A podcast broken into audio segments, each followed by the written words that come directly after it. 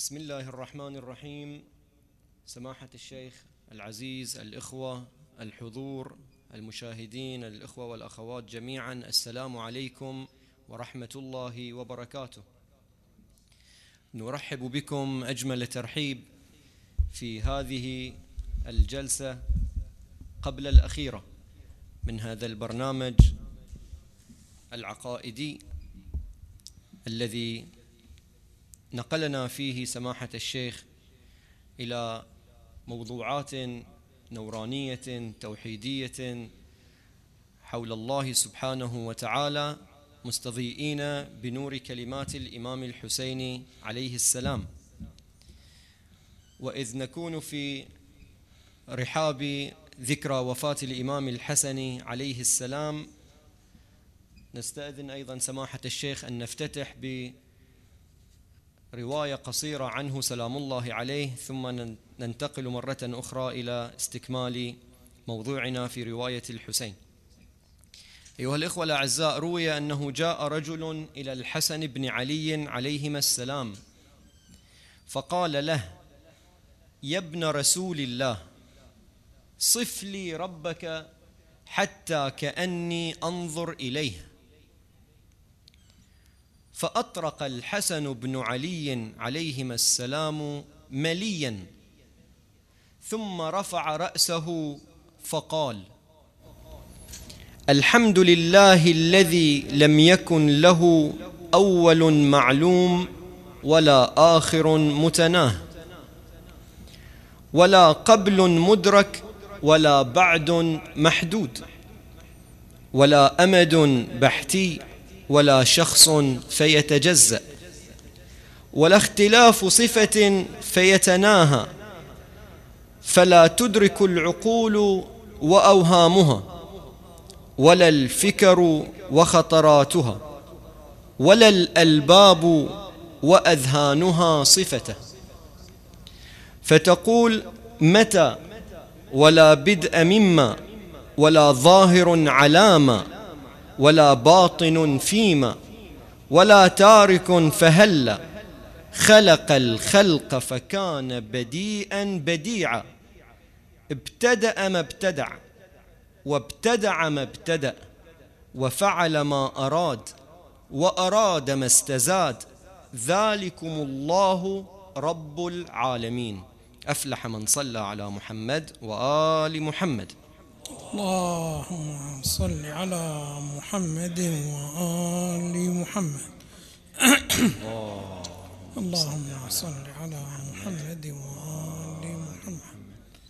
اللهم صل على محمد وآل محمد. إذا أيها الإخوة الأعزاء نستكمل موضوع هذه الدورة العقائدية ليس كمثله شيء. ووصلنا سماحة الشيخ إلى المقطع التالي من الرواية المروية عن الإمام الحسين عليه السلام. يقول سلام الله عليه لا تحله في ولا توقته إذ ولا تؤامره إن. علوه من غير توقل ومجيئه من غير تنقل. يوجد المفقود ويفقد الموجود ولا تجتمع لغيره صفتان في وقت. ذلك قول الإمام الحسين عليه السلام. سماحة الشيخ سؤالنا عن أحكام عالم المادة والتي يتنزه الله عنها. وما المراد من قوله عليه السلام لا تؤامره إن؟ بسم الله الرحمن الرحيم الحمد لله رب العالمين وصلى الله على محمد وآله الطيبين الطاهرين اللهم صل على محمد وآل محمد اللهم صل على محمد وآل محمد اللهم صل على محمد وآل محمد إذا تأملنا في الوجود الخارجي نشاهد أن الوجود على نحوين. وجود خالق فقط. ووجود قد يكون خالق ومخلوق. وأيضا يمكننا أن نعبر عن الخالق فقط هو الواجب بالذات. ونعبر عن المخلوق سواء كان مخلوق مطلق أو مخلوق من حيث وخالق من حيث آخر نعبر عنه بالممكن. يقولون الواجب الوجود له أحكام وممكن الوجود له أحكام. فكثيرا من الأشياء يتصف بها الواجب بالذات يعني يتصف بها الخالق وغير المخلوق وهذه الصفات التي يختص بها الواجب لا يتصف بها الممكن أي المخلوقات. وهناك صفات تتصف بها المخلوقات ينزه عنها الواجب تعالى.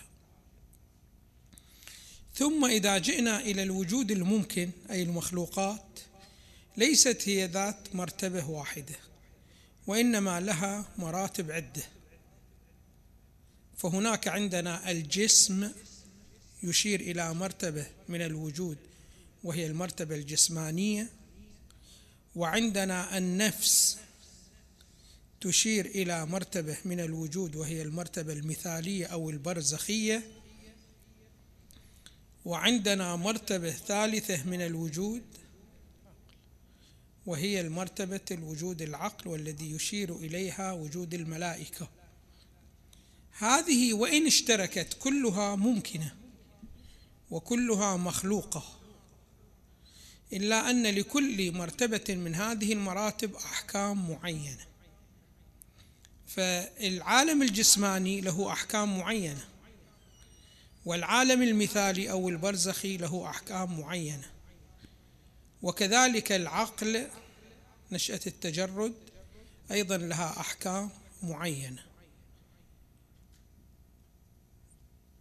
طبعا هذه المراتب الوجودية يقولون ليست في مرتبة واحدة. ادون مرتبة هي المرتبة الجسمانية. ثم تأتي المرتبة المثالية أو البرزخية هي أرقى وأعلى منها. ثم تأتي المرتبة العقلية وهي أرقى وأعلى منها منهما. الله سبحانه وتعالى منزه عن أحكام هذه النشآت الثلاث. باعتبار أنها كلها تشترك في المخلوقية وتشترك في الإمكان. الروايات الواردة عن أهل البيت سلام الله عليهم خصوصا عن أمير المؤمنين سلام الله عليه. ابتلي أمير المؤمنين بمستوى من المستويات العلمية التي هي أقرب إلى العامية من العلميه فإنهم لا يدركون بأن الوجود له نشآت عدة. وإنما يدركون بأن الوجود هو وجود فقط جسماني. ويعتقدون بأن الله سبحانه وتعالى يتصف بصفات الأجسام كما هي الأجسام فقط بهذه الصورة. فأمير المؤمنين سلام الله عليه ركز كلامه كله على تنزيه الله سبحانه وتعالى عن أحكام الجسمية. لماذا؟ لأنه ابتلي بمجتمع يرى هكذا شيء. أما بالنسبة إلى التنزه عن صفات عالم البرزخ وعالم العالم المثال فقليلا ما تكلم أمير المؤمنين سلام الله عليه. وهكذا بالنسبة إلى نشأة العقول ونشأة التجرد أيضا تكلم أقل. باعتبار أنه لم يكن هناك ابتلاء. فأشار ببعض الكلمات التي هي مجملة تشير إلى تنزه الله سبحانه وتعالى عن أحكام المرتبة الوسطى الممكنة وعن أحكام المرتبة العليا. وطبعا نفس الكلام نفس الواقع الذي ابتلي به أمير المؤمنين سلام الله عليه ابتلي به بقية الأئمة سلام الله عليه. فالإمام الحسين سلام الله عليه نفس الشيء يعني كان في زمانه ما كان رقي في الفهم العقائدي. حتى الإمام سلام الله عليه يعمق البحث ويرقي البحث. بل كان هناك المشاهد للروايات الواردة عن امير المؤمنين سلام الله عليه يشاهد بأن المطالب العقائدية كان يتعرض لها أيام أمير المؤمنين سلام الله عليه أكثر من تعرض المجتمعات التي جاءت بعد أمير المؤمنين سلام الله عليه. يعني مثلا نحن نشاهد بعض الأسئلة التي سئل بها الإمام الصادق سلام الله عليه. هي متخلفة جدا جدا عن الأسئلة التي سئل عنها أمير المؤمنين سلام الله عليه. وكان المفروض أن يكون بالعكس. يعني المفروض أن كل ما التحم المجتمع الإسلامي مع مجتمعات أخرى ينقل بعض الإشكالات وبعض الاستفهامات عن تلك المجتمعات فيترقى السؤال ولكنه شنو ما لا تخلف جدا كثير. فمثلا إحنا عندنا رواية من الروايات واحد يسأل الإمام سلام الله عليه يسأل أمير المؤمنين سلام الله عليه هل يستطيع ربك أن يضع الجبل بما هو جبل؟ في البيضة بما هي بيضة يعني الكبير بما هو كبير في الصغير بما هو صغير. فالإمام سلام الله عليه أجابه بسؤال يبين فيه الحقيقة. فقال له ويحك الله سبحانه وتعالى لا يوصف بعجز ولكن الذي تقوله لا يمكن. وقدرة الله إنما تتعلق بالممكنات. فأنت إذا بتسأل أن الله سبحانه وتعالى يقدر أو لا يقدر. لأنه أنت إذا سحبت القدرة معناه راح يثبت العجز. فمن أول لابد أن تحدد أن هذا الذي تسأل عنه هل هو ممكن أو ممتنع.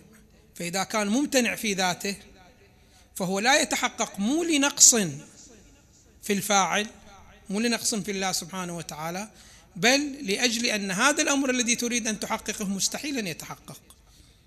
فالقدرة ما تتعلق به. فشاهد أمير المؤمنين سلام الله عليه ماذا أجاب؟ أجاب ببيان الواقع الخارجي. نفس السؤال هذا سأله أحدهم سأل الإمام الصادق سلام الله عليه. نفس السؤال هل يستطيع ربك أن يضع الكبير بما هو كبير في الصغير بما هو صغير؟ الإمام الصادق ما أجابه جواب لبيان الحقيقة وإنما أجابه جواب تربوي. يعني شنو جواب تربوي؟ يعني أراد الإمام سبحانه وتعالى أن يحا... سلام الله عليه أن يحافظ على المرتبة الدينية الموجودة عند هذا السائل. فقال له نعم يمكن. ثم قال له انظر أنت إلى الجبل الجبل كبير. ينطبع في عينك أم لا؟ فهذا شنو ماذا كبير؟ انطبع شنو ماذا في الصغير. هذا هم السائل قنع وسكت مع أنه كان يمكن له أن يسأل بأنه أنا قلت لك الكبير بما هو كبير. والجبل هذا الذي ارتسم في العين تحول إلى شنو ماذا؟ إلى صورة صغيرة ثم انطبعت في العين. فلم يحل هنا الكبير بما هو كبير شنو ماذا؟ في الصغير بما هو صغير. ولكنه ما عنده هذا التقدم العلمي وهذا الترقي العلمي فلذلك قنع بالجواب والإمام سلام الله أجابه إجابة تربوية. فعلينا شنو ماذا؟ أن نلتفت إلى هذا الأمر أنه كثير من الروايات التي هي صادرة عن الأئمة سلام الله عليهم ما تكون صادرة لبيان الحقيقة وإنما صادرة للحفاظ على مستوى دين الآخرين السائلين إلى آخره. فيقول عنه جواب تربوي مو جواب شنو ماذا لبيان الحقيقة. فهناك أجوبة تعليمية وبيان لحقيقة الأمر وهناك أجوبة شنو ماذا تربوية فعلينا أن نلتفت لهذا الأمر. نفس الأمر الإمام الحسين سلام الله عليه ابتلي في زمانه أيضا ببعض الأشخاص الذين يقربون للتجسيم فلذلك عندما تشاهدون هذه الكلمة للإمام سلام الله عليه ماذا يقول؟ لا تحله في. يعني نقول أن الجسم في الصندوق. فهل الله سبحانه وتعالى تعرضه في؟ فنقول الله في السماوات أو الله في الأراضين. يقول لا. لماذا؟ لأنه شوفوا الجسم له أحكام معينة. واحد من أحكام الجسم أن الجسم دائما له مكان. فدائما إذا واحد قال لك بأنه شيء من الأشياء هو جسم فلك أن تسأل أين هو؟ في أي مكان هو حل. لأنه من صفات الجسم التي لا تنفك عنه أن له شنو ماذا مكان. فلك أن تسأل.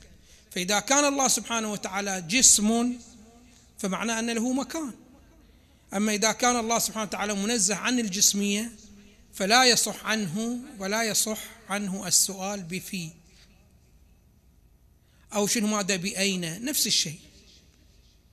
فإن أين يعني تسأل أي زمان أي مكان عنه مكان شنو ماذا لا يكون لله سبحانه وتعالى. فلذلك ابن سلام الله عليه يقول هو أين الأين فلا أين له. فلذلك هؤلاء الذين يبحثون عن الله سبحانه وتعالى في مكان أو واحد شنو ماذا مثلا يروح في المركبة الفضائية ويقول ما وجدت الله فوق من قال لك بأن الله فوق؟ الله سبحانه وتعالى ليس له مكان. هو يقوم المكان ومتقدم على المكان. فكيف يحويه مكان؟ فإذا هذا أول شنو ماذا حكم من أحكام النشأة الجسمانية؟ أن يكون دائما شنو ماذا لها مكان. الحكم الثاني أن النشأة الجسمانية دائما في حالة حركة. الحركة عند الفلاسفة على قسمين. حركة في الصفات وحركة في الحقيقة. الحركة في الصفات كيف تكون؟ مثلا أنت تكون في وضع مستقيم قائم ثم تركع. فيقولون أنت هنا تحولت تحول تدريجي من حالة الاستقامة إلى حالة الركوع. أو تحولت تحول تدريجي من حالة الركوع إلى حالة السجود. يقول هذا شنو ماذا حركة وضعية يعني في الصفة. أو حركة شنو ماذا في الكم. مثلا أسأل الآن التفاحة كم حجمها؟ فتقول لي واحد سنتيمتر مكعب. ثم تأتي بعد أسبوع كم حجمها؟ تقول لي ثلاثة سنتيمتر مكعب. فهنا ازدادت التفاحة في ماذا؟ في حجمها. زيادة تدريجية هذه يعبر عن الحركة. أو مثلا زيادة أو تغير في الكيف مثلا تكون كيف هي؟ تقول هي خضراء تفاحة. ثم تأتي بعد أسبوع تقول كيف هو هي؟ فأقول لك شنو ماذا؟ حمراء. فهنا تغير تدريجي والحركة هي عبارة عن التغير التدريجي. فهذه شنو ماذا حركة في الصفات؟ عندهم حركة شنو ماذا؟ في الحقيقة. شلون حركة في الحقيقة؟ مثلا تأتي أنت للإنسان في بداياته تقول ما هو؟ يقال لك هذه نطفة. ثم بعد تقول ما هي؟ فيقال لك هو شنو ماذا؟ علقة. ثم ما هي؟ إلى أن تسأل فتجاب إنسان. فهنا حصل تغير في حقيقة الشيء مو في صفات الشيء. فعلى أي حال يقولون دائما الوجود الجسماني دائما هو في حركة دائبة دائما. ما عندك شنو ماذا؟ شيء جسماني هو ساكن عن الحركة. إما حركة في الصفات أو حركة شنو ماذا في الحقيقة. الله سبحانه وتعالى طبعا لأنه منزه عن الجسمانية فهو منزه عن الحركة وعن التغير. فما في شنو ماذا تغير. فمن هنا إذا جاءتنا رواية من الروايات أثبتت التغير إلى الله سبحانه وتعالى لابد أن نحاول أن نفهمها بمعنى يتناسب مع نسبة التغير إلى المنزه عن الجسمية. بهذه الصورة وبهذا النحو. الأمر الثاني بأنه دائما إذا كان هناك حركة فهي في زمان. لماذا؟ لأنه الزمان يقولون هو عبارة عن مقدار الحركة. فإذا فرضنا أن شيء فيه حركة فلا بد أن يكون فيه زمان. فإذا شنو ماذا؟ الحركة مرتبطة بالجسم والزمان مرتبط بالحركة. فإذا تنزه الله سبحانه وتعالى عن الجسمية فهو منزه عن الزمانية وأحكام الزمان وهو شنو ماذا؟ منزه عن الحركة وأحكام الحركة وإلى غيره من هذه الأمور. فلذلك مثلا الله سبحانه وتعالى ما يوصف أنه سريع أو بطيء. لماذا؟ لأن السرعة ما هي؟ يقول السرعة هي قطع مسافة كثيرة في زمن قليل. كما أن البطء هو قطع مسافة قصيرة في زمن طويل. هو الله سبحانه وتعالى ما عنده هذه شنو؟ ماذا الحركة التدريجية. فالسرعة هو البطء بعد وجود الحركة. فإذا الله سبحانه وتعالى تنزه عن الجسمية فهو منزه عن الحركة فهو منزه عن الزمان فهو منزه عن أحكام الزمانيات من السرعة والبطء وإلى آخره بهذه الصورة بهذا النحو. فإذا الله سبحانه وتعالى ليس متصف بالصفات الجسمانية. هذا من ناحية كذلك هو ليس متصف بصفات البرزخية. صحيح البرزخية أشد من النشأة الجسمانية ولكن الله سبحانه وتعالى أيضا منزه عن هكذا شنو ماذا؟ أحكام. فمثلا عندك من أحكام النشأة البرزخ أن دائما فيها مقادير. ما فيها مادة جسمية ولكن شنو ماذا فيها مقادير؟ يعني فيها حدود. ونحن ذكرنا فيما سبق بأن الله سبحانه وتعالى منزه عن الحدود كلها. لماذا؟ لأنه الحد يقطع امتداد الله سبحانه وتعالى. والحال أن الله سبحانه وتعالى ليس محيث بأي حيثية عدمية. ودائما شنو ماذا؟ المحدود بعد الحد لا تحقق له. الله سبحانه وتعالى ما نستطيع أن نشير إلى أي مرحلة من المراحل ونقول لا تحقق له هو وجود صرف.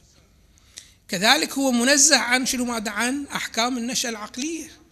فإن النشأة العقلية مهما بلغت من الرقي فهي محدودة ولذلك لها حقيقة وحقيقتها غير وجودها. الله سبحانه وتعالى حقيقته عين وجوده بهذه الصورة وبهذا النحو. فلا فليس هو متصف بأحكام أي نشأة من هذه النشآت الممكنة. لأنه النشآت الممكنة مهما رقت في الوجود ففيها عيب وفيها سلبية. والله سبحانه وتعالى منزه عن مطلق العيوب ومنزه عن مطلق السلبيات. هذه شنو ماذا؟ المسألة الأولى. المسألة الثانية أن الإمام سلام الله عليه له عبارة هنا يقول ولا تؤامره إن شنو هذه ولا تؤامره إن؟ شوفوا إحنا عندنا بعض الأمور تحققها إذا أرادت أن تتحقق هي مشروطة. مثلا أنت عندك شنو ماذا؟ مثلا النهار موجود إن طلعت الشمس. فإذا شنو ماذا؟ وجود النهار متوقف على طلوع الشمس. وطلوع الشمس أيضا شنو ماذا متوقف؟ على شنو ماذا؟ إذا تطلع الشمس علينا الشمس هي ما يعرضها الإشراق والغياب بنفسها. الشمس هي دائما طالعة. فكيف يحصل لنا نحن الغروب والشروق؟ بالنسبة لحركة الأرض حول نفسها. فلو كانت الأرض ما تتحرك حول نفسها راح يكون شنو ماذا؟ المكان الذي يكون هو نهار نهار دائما. والمكان الذي يكون هو ليل ليل دائما. ولكن لأن الأرض تتحرك حول نفسها تحدث شنو ماذا؟ النهار والليل يحدث النهار والليل. فإذا هنا نقول شنو ماذا؟ أن الليل يحدث إن دارت الأرض. فإذا حدوث الليل والنهار إن دارت الأرض. ووجود النهار إن طلعت الشمس. فعندك هذه أشياء إذا أرادت أن تتحقق هي مشروطة بحيثيات معينة. واضح شلون؟ فكأنما هذا إن ما بعد إن إذا تحقق هو يأمر ما قبل إن بالتحقق. فتقول أنت مثلا طلعت أو طلع النهار إن طلعت الشمس. فكأنما شنو؟ ماذا طلوع الشمس يأمر النهار بالتحقق. هو الله سبحانه وتعالى هل بهذا النحو له وجود؟ يقولون لا. الله سبحانه وتعالى وجوده حاصل ومتحقق وإن قطعت النظر عن كل ما سواه. فالله سبحانه وتعالى متحقق سواء وجد الإنسان أم لم يوجد الإنسان سواء وجدت الممكنات أم لم توجد الممكنات. الله سبحانه وتعالى يتصف بالوجود على نحو الدوام بل الوجود هو حقيقته. فما يمكن أن ينفصل عنه الوجود حالا ما. فشوفوا الآن الأشياء كلها إذا تتصف بالوجود هي مقيدة. فبعضها يتصف بالوجود بشرط أن نربطه بسببه وبعلته. تقول مثلا الماء يغلي إن اشتدت الحرارة إلى مئة درجة. إشارة إلى شنو ماذا؟ إلى سبب الغليان وهو شنو ماذا؟ وهو بلوغ الحرارة مئة درجة. الله سبحانه وتعالى مو بهذا النحو. باعتبار ليس له سبب حتى نربط وجوده بسببه. ولا يتعلق وجوده بأي شيء من الأشياء. فالله سبحانه وتعالى أزلي الوجود. أزلي الوجود يعني شنو؟ ماذا يعني ليس له شيء يمكن أن يتقدمه. واضح شلون؟ ليس مسبب عن شيء من الأشياء. فلذلك شنو ماذا الله سبحانه وتعالى عندما نقول أزلي بمعنى أن وجوده ليس متوقف على أي سبب من الأسباب. وإنما هو عين الوجود وعين التحقق. فلو فرضت انتفاء كل ما سواه هو شنو؟ ما دام موجودون. هذا هو الله سبحانه وتعالى. تفضل أحسنت. إذا سماحة الشيخ في تنزيه الله عن الجسمية وما يلازمها من الحركة وجريان الزمن وجريان السرعة يقول الله سبحانه وتعالى في القرآن وجاء ربك. فما هو هذا المجيء؟ وهل الله سبحانه وتعالى يصح عليه مثل هذا التنقل من صعود ونزول أو ذهاب وإياب؟ الانتقال لا بد فيه من تحقق أمرين. ترك لمكان معين وحلول في مكان آخر. فأنت تقول انتقل هذا الجسم من فلان نقطة إلى فلان نقطة. معناه أنه ترك وحل هكذا. هنا نقطة أخرى. فدائما الانتقال فيه ترك وفيه حلول. الآن تمر عندك انتقال معنوي وأخرى عندك انتقال شنو؟ ماذا مادي. الانتقال المادي واضح. الترك والحلول. وعندنا شنو ماذا انتقال معنوي؟ وهو ترك مرتبة من المراتب وتحول لمرتبة إلى وتحول إلى مرتبة أخرى. الآن الانتقال المعنوي ما نتكلم فيه نتكلم شنو معناه في الانتقال الجسمي. فإن الله سبحانه وتعالى لا يجوز عليه الانتقال الجسمي بمعنى أنه يترك ألف ويكون شنو ماذا في باء. لماذا؟ لأن الله سبحانه وتعالى علاقته مع ما سواه. علاقة شنو؟ هذا التقويم. شنو يعني علاقة التقويم؟ يعني ما يمكن أن تشير إلى هذا الشخص ويكون حين تشير إليه بمعزل عن الله سبحانه وتعالى. هذا شنو؟ هذا غير ممكن. الآن في بعض الفلسفات الحديثة وهو أمر صحيح. يقولون أن الله سبحانه وتعالى نحن عندما نتصور وجوده مرة نتصور وجوده كوجود شخص من الأشخاص. أنت الآن وجودك وجود شخص أنا وجودي وجود شخص. فشخصيتي أنا مستقلة عن شخصيتك وشخصيتك مستقلة عن شخصيتي. ويمكن أن أشير إليك ويمكنك أن تشير إليه فهنا يقول وجودك وجود شخص. فهل الله سبحانه وتعالى له وجود كوجود شخص؟ نقول لا. لماذا؟ لأن وجود الشخص ما يجتمع مع التقويم. لأنه الوجود الشخصي معناه قبول الإشارة المستقلة إليك.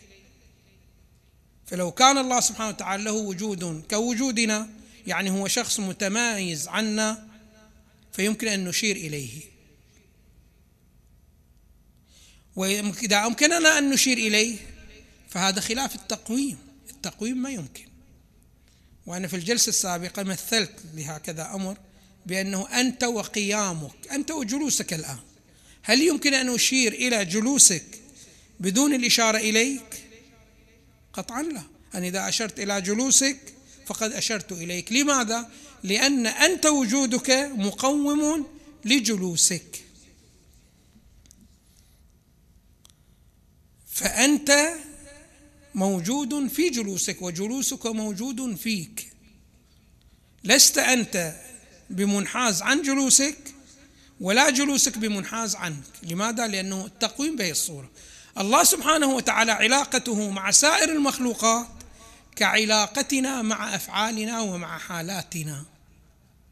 بهذه الصورة بهنا. فإذا الله سبحانه وتعالى لا نتصور شنو ماذا فيه؟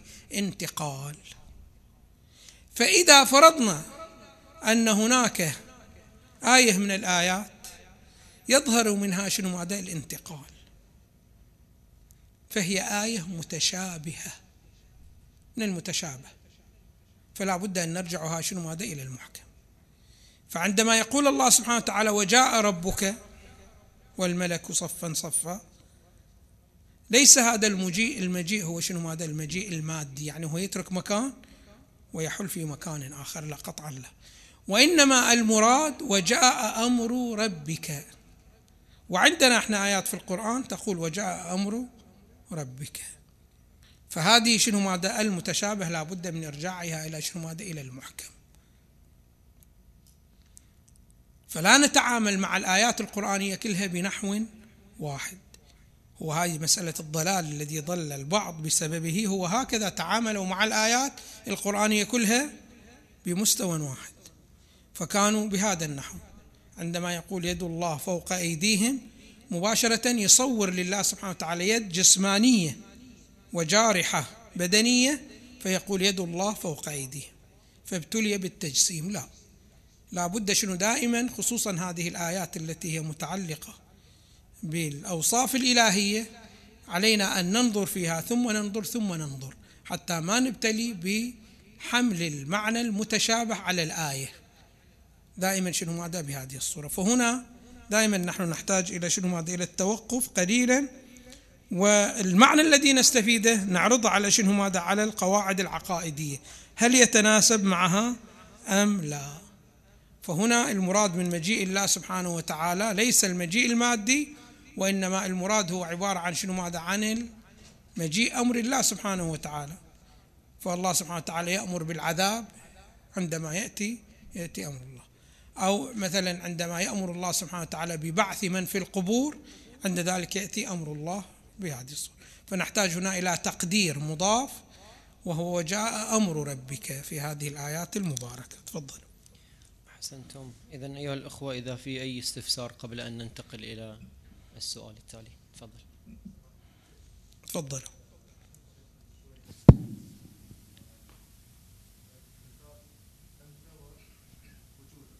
أنت وقيامك. فأنت مقوم إلى قيامك. لكن أنا كوجود وقيامي فعل وليس وجود. ففي كأن نوع خلينا نقول دبلين يعني. هذا أنا موجود أنا موجود. فقومت وجودي فصاير نوع الاشتباك في الموضوع. يعني ما أدري إذا وصل وصلت الفكرة. هو شوف إحنا عندنا ثلاثة أمور. فيك أنت وفي أنا ثلاثة أمور. أنت فيك ذات ذات. هذا الذي أنا أشير إليها باسمك. وعندما أخاطبك أخاطب ذاتك. وفيك صفة وفيك فعل. عادة شنو هذا الفعل يكون؟ متأخر عن الصفة والصفة متأخرة عن الذات. يقولون الصفة والفعل كلاهما قائمان بك. فإذا كانوا قائمان بك فما أستطيع أن أشير إلى الصفة أو أشير إلى الفعل ولا أشير إليك. فإذا أشرت إلى الصفة أو الفعل فقد أشرت إليك. لماذا؟ لأنك أنت مقوم لهما. أما لو فرضنا أنه لا الفعل في جانب والصفة في جانب وأنت في جانب آخر. فيمكن أن أشير إلى الصفة أو إلى الفعل بدون الإشارة إليك. هذا معناه أنت لست بمقوم. التقويم هو عبارة عن ماذا؟ عن الاحتياج الوجودي إلى المقوم. بهذه الصورة بهذا النحو. فما في فرق بين الفعل والصفة. باعتبار أنه دائما الفعل متقوم بالصفة والصفة متقومة بك أنت بهذه الصورة بهذا النحو. فما يمكن الإشارة إليك من دون الإشارة إلى الصفة والفعل أو لا يمكن الإشارة إلى الصفة والفعل بدون الإشارة إليك. ويعبر عنه في مصطلحات الفلاسفة بالمعنى الحرفي أو بالمعنى الربطي. في كلماتهم تفضلوا. إذا موجود أي سؤال أو استفسار آخر؟ إذا آه، سماحة الشيخ آه، الجملة الأخيرة من الفقرة لهذه الليلة عن الإمام عليه السلام يقول يوجد المفقود ويفقد الموجود. ما مراد الإمام عليه السلام من هذا القول؟ هنا يريد يشير إلى توحيد من أنحاء وأقسام التوحيد. تعرفون إحنا عندنا التوحيد على عدة أنحاء. فعندنا توحيد الذات بأن تشهد بأن الله سبحانه وتعالى لا مثل له ولا جزء له. وعندنا توحيد الصفات وهي أن ترجع الصفات إلى الذات وتثبت العينية وعندنا توحيد الأفعال ما هو توحيد الأفعال؟ توحيد الأفعال هو أن تؤمن وأن تعتقد بأنه الفاعل المستقل في العالم هو فقط الله سبحانه وتعالى وهناك فاعلون آخرون ولكن له ليس لهم الاستقلال في الفاعلية وإنما فاعليتهم بفاعلية الله سبحانه وتعالى. هذا يعبر عنه شنو؟ ماذا بتوحيد الفاعلية. طبعا هناك بعض الطوائف الإسلامية فسرت التوحيد في الفاعلية بتفسير منحرف تفسير غير صائب حيث أنكروا أي تأثير لأي وجود غير الله سبحانه وتعالى. فقالوا أن التأثير فقط مرتبط بمن؟ بالله سبحانه وتعالى. غير الله سبحانه وتعالى لا تأثير له. لا بنحو الاستقلال ولا بنحو غير الاستقلال. وإنما عندهم مسلك ويقولون جرت عادة الله. فعندهم عندما تأتي أنت الآن مثلا بالنار يقولون النار ما ليس لها علاقة تكوينية وليس لها تأثير في الإحراق وإنما الإحراق مستند لله سبحانه وتعالى الله يفعله. ولكن الله سبحانه وتعالى جرت عادته وطريقته أن يوجد الإحراق بعد أن يوجد النار. أما ما في تأثير إلى النار تأثير تكويني شنو ماذا؟ في الإحراق. طبعا إحنا ما نقبل بهذا الشيء. باعتبار الله سبحانه وتعالى أسند التأثير لغيره في القرآن. ولكن منع التأثير المستقل تحققه إلا له تعالى. فنحن عندما نقرأ في هذه الآية المباركة وما رميت إذ رميت ولكن الله رمى. خب هنا الله سبحانه وتعالى يقول له إذ رميت فهناك في تأثير منك وهو شنو ماذا الرمي. ويستند لك الرمي. الاستناد معناه أن لك تأثير فيه ولا كيف يسند لك الرمي؟ فكيف يقولون بأنه لا تأثير لغير الله سبحانه وتعالى؟ ولكن الله سبحانه وتعالى يقول له وما رميت. ينفي عنا الرمي. الرمي على نحو الاستقلال. إذ رميت على نحو الاستعانة بالله سبحانه وتعالى. فهناك تأثير لغير الله سبحانه وتعالى ولكن هذا التأثير مرتبط بتأثير الله سبحانه وتعالى ليس على نحو الاستقلال. هنا الإمام سلام الله عليه عندما يقول شنو ماذا؟ يوجد الأشياء ويفقد الأشياء. هنا قد يكون هناك وصف من الأوصاف. مثلا شخص من الأشخاص يتصف شنو ماذا؟ بالغنى. فهذا الله سبحانه وتعالى هو الذي يوجد صفة الغنى له. أو شنو ماذا شخص آخر؟ لا. يفقده الغنى يفقده المال. أيضا هذا كله شنو ماذا بيد الله سبحانه وتعالى. كما تدل عليه الآية المباركة. وإن يمسسك الله بضر فلا كاشف له إلا هو وإن يمسسك بخير فهو على كل شيء قدير. فإذا مسألة شنو ماذا الإفقاد ومسألة الإيجاد. كلها مرتبطة بمن؟ بالله سبحانه وتعالى. فهو المعطي وهو المانع. ثم يبين بأن هاتين الصفتين وهي الإفقاد والإيجاد مرتبطة على نحو الاستقلال بمن؟ بالله سبحانه وتعالى. وإذا شخص من الأشخاص أراد أن يقوم بهكذا تصرف فلا بد أن يستعين بقدرة الله سبحانه وتعالى.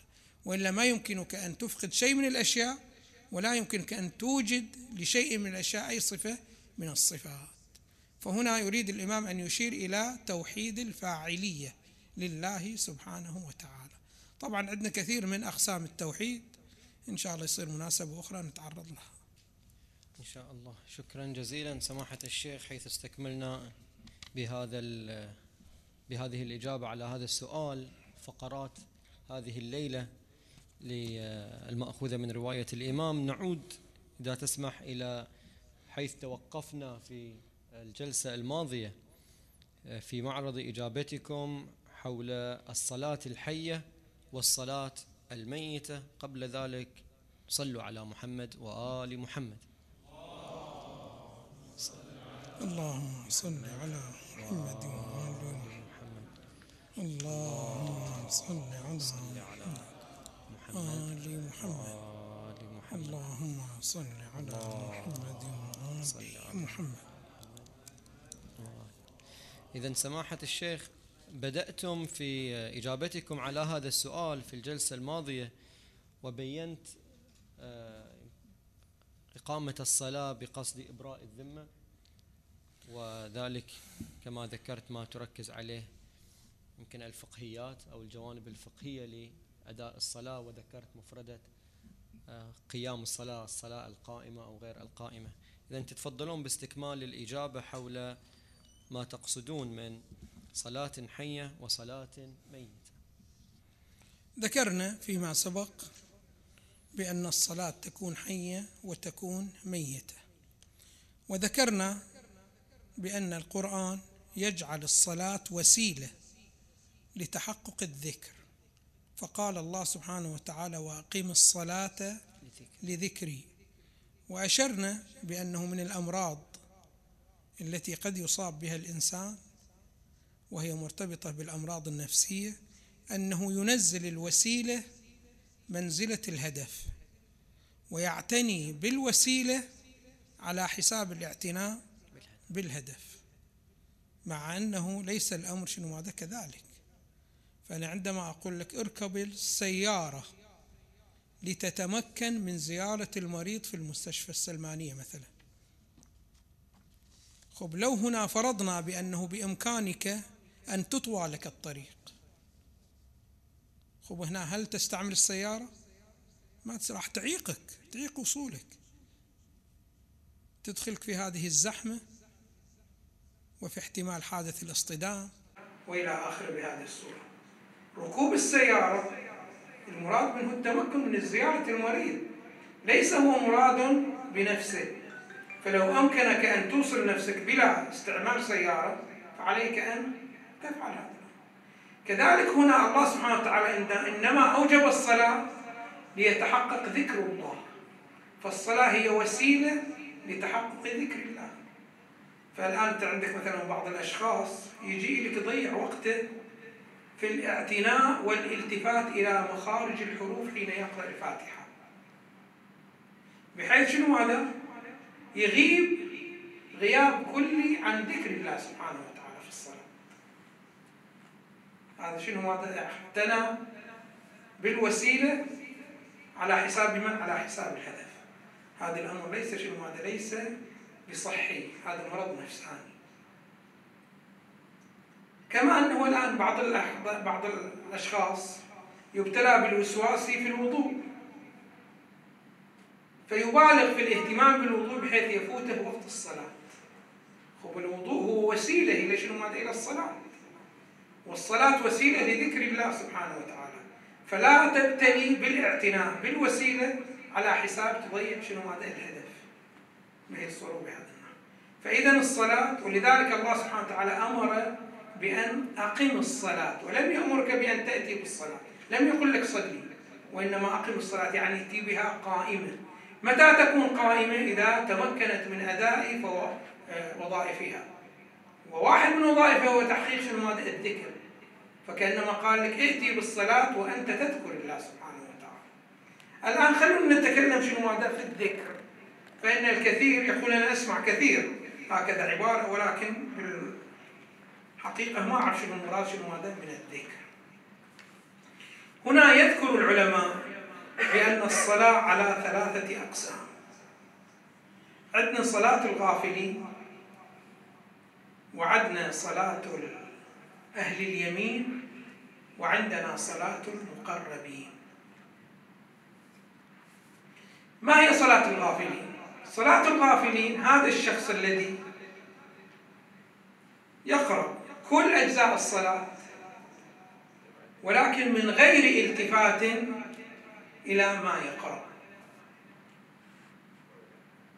بحيث أنت لو جئته بعد الصلاة وسألت سؤال هل تذكر أنك قلت في الصلاة الحمد لله رب العالمين؟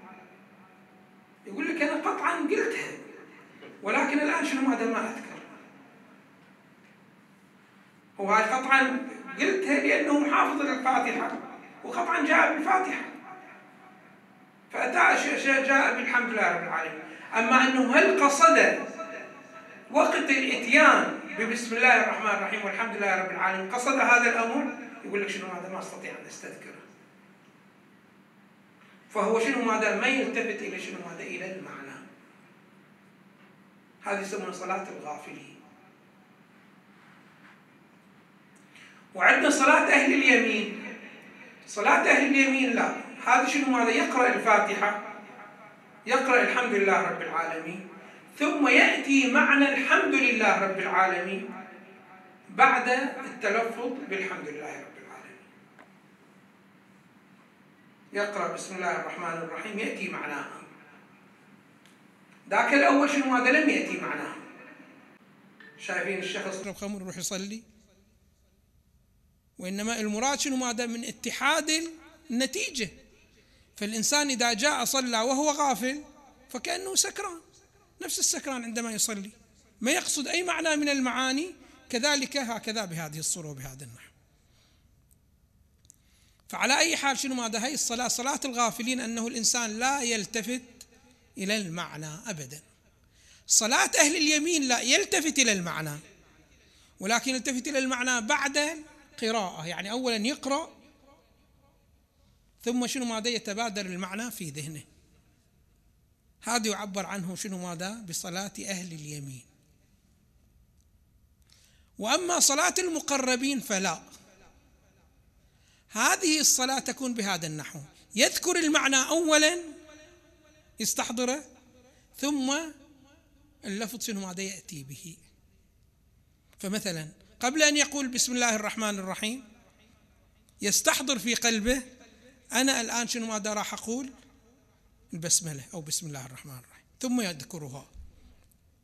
ثم قبل ما يقرأ الحمد لله رب العالمين يستذكر المعنى ثم يقرأ. فكما يعبر عنه الإمام الصادق سلام الله عليه ماذا يقول؟ يقول اجعل قلبك قبلة للسانك. شنو الفرق بين المقربين وأهل اليمين؟ أهل اليمين جعلوا اللسان قبلة للقلب. يعني أول اللسان يقول ثم القلب شنو ماذا يلتفت. أما المقربين لا أول يأتي بالمعنى في ذهنه ثم شنو ماذا؟ يبينه باللفظ. فهذا القلب راح يكون قبلة لمن؟ للسان بهي الصورة. طبعا الإنسان دائما الإنسان المؤمن يتجه دائما شنو هذا؟ إلى الأفضل وإلى الأحسن. وماذا يقول الله سبحانه وتعالى؟ وبشر عبادي الذين يستمعون القول فيتبعون ماذا؟ أحسنه هذا شنو ماذا؟ هذا يصدق عليه شنو ماذا؟ عبادي. فدائما الإنسان إذا أراد أن يحصل المرتبة العالية يقصد المرتبة العالية. أما إذا قصد المرتبة الدانية فإنه ما راح شنو ما راح يتقدم. فهذا الإنسان الذي يريد أن يجعل صلاته صلاة المقربين وهي الحية جدا جدا صلاة أهل اليمين هم حية ولكن الحياة الموجودة فيها ليست كالصلاة المقربين. يقولون صلاة المقربين الإنسان إذا حاول يداوم عليها تحصل له مكاشفات. وحقائق تتبين له. الله سبحانه وتعالى يكشفها إليه خب هنا الإنسان حتى يواصل ويصل إلى هذه الصلاة المرادة أو ما يقرب منها يحتاج إلى شنو؟ ماذا؟ إلى برنامج معين. أول برنامج شوفوا إحنا عندنا نهتم إحنا دائما شنو؟ ماذا؟ بالتعقيب إلى الصلاة. والتعقيب أمر جيد. ولكن أفضل تعقيب يمكن أن يأتي به الإنسان وهو العمل الذي يشتغل به بعد أن يسلم مباشرة أفضل تعقيب ما هو؟ أن تقف وقفة بينك وبين نفسك. وتحاسب نفسك في هذه الصلاة التي صليتها. كم يشكل منها؟ كم نسبة مئوية تشكل منها؟ أنك توجهت إلى الله سبحانه وتعالى وذكرت الله سبحانه وتعالى. يعني جعلت قلبك قبلة للسانك. كم؟ بعد سورة الفاتحة؟ من الأذان تبدأ من الأذان والإقامة ابدأ بهكذا سلوكية معينة. واضح شلون؟ قطعا هذا ما راح يتحقق لك من أول صلاة ولا من مئة صلاة ولكن يتحقق فيما بعد لو اعتدت على هذا الشيء. فدائما أنت شنو ما دام من تقول السلام عليكم ورحمة الله وبركاته لا تسرع إلى الدعاء. لا وإنما شنو ماذا قف هنيئة مقدار ثواني مع نفسك. كم أنا في هذه الصلاة؟ ذكرت الله سبحانه وتعالى وتوجهت بهكذا معنى إلى الله سبحانه وتعالى. فإذا كان مثلا 2% من أوقات الصلاة فعاهد نفسك أنه تزيد النسبة. ثم بعد الصلاة التي تلي أيضا شنو ماذا توقف عندها بعد الصلاة وحاسب شنو ماذا نفسك حتى شنو ماذا حتى ترتقي. فأنت شوفوا لأنه إحنا ما نمارس هكذا تعقيب تشوف الإنسان كما هو في الرواية يصلي خمسين سنة وكل خمسين سنة كلها صلاة الغافلين. يعني كلها صلاة ميتة. يا أخي يقولون مو عيب الواحد شنو ماذا يأتي بصلاة ميتة واحدة أو عشر ولكن مدة خمسين سنة ما ترتقي. هذا جدا شنو ماذا؟ كما يقول النبي صلى الله عليه وآله من تساوى يوما فهو مغبون. يعني ما عنده حظ مو ما عنده توفيق. ومن كان أمسه خيرا من يومه فهو ملعون مبعد عن رحمة الله سبحانه وتعالى. ومن كان غده خيرا من يومه فهو مرحوم. فعلينا نحن نحاول دائما ابدا أن نجعل شنو ماذا أعمالنا التي نأتي بها لله سبحانه وتعالى نحاول شنو ماذا أن نحدث فيها حالة الارتقاء. ولن تحدث حالة الارتقاء. إذا ما ننظر في الذي سبق منا شوفوا أي شخص من الأشخاص لما ينظر في أعماله ما يمكن أن يترقى ويتقدم نحو الصحة في أعماله. فعلينا دائما أبدا بأنه إذا فعلنا فعل من الأفعال أن نتوقف. لا نفكر في الانتقال إلى الفعل الذي يليه. لا خلنا نتوقف في هذا الفعل. هل أتينا به على أفضل نحو أم لا؟ فالآن أقول بعض صلاة كلها صلاة الغافلين وكل بعض لا صلاته تدور بين صلاة الغافلين وصلاة أهل اليمين. واضح شلون؟ وما فكر بأنه يرفع المستوى وتدور صلاته بين صلاة أهل اليمين وصلاة المقربين. خب الذي لم يأتي على باله هذا قطعا شنو ماذا؟ ما عنده ارتقاء. فعلينا شنو ماذا؟ أن نهتم بهذا الجانب. أنه شنو دائما بعد الصلاة خلنا شنو ماذا نبقى مع أنفسنا لا نستعجل في قراءة الدعاء أو قراءة قرآن وإلى آخره وإنما نفكر في العمل الذي جئنا فيه. يقول لا تفكر في كم العمل ولكن فكر في كيف العمل. فإن الكيفية هي عبارة عن البحث عن العمل الأحسن. مو فقط شنو ماذا تسوي كميات وكميات ما لها قيمة. هذا شنو ماذا ما في فائدة. فعلينا أن نعتني بهذا الأمر. طبعا الصلاة فيها كلام كثير إلى آخره. والصلاة تعلمون أهميتها من قوله صلوات الله عليه وسلامه الصلاة عمود الدين. إن قبلت قبل ما سواها وإن ردت رد ما سواها. فالصلاة وظيفة جدا عظيمة. وما يمكن أن نؤدي حقها بهذا الكلام مقدار خمس دقائق أو عشر دقائق. فإن شاء الله تصير فرصة أخرى للتعرض لأسرار الصلاة وأسرار شروط الصلاة شرائط الصلاة وأسرار أجزاء الصلاة إن شاء الله بالترتيب.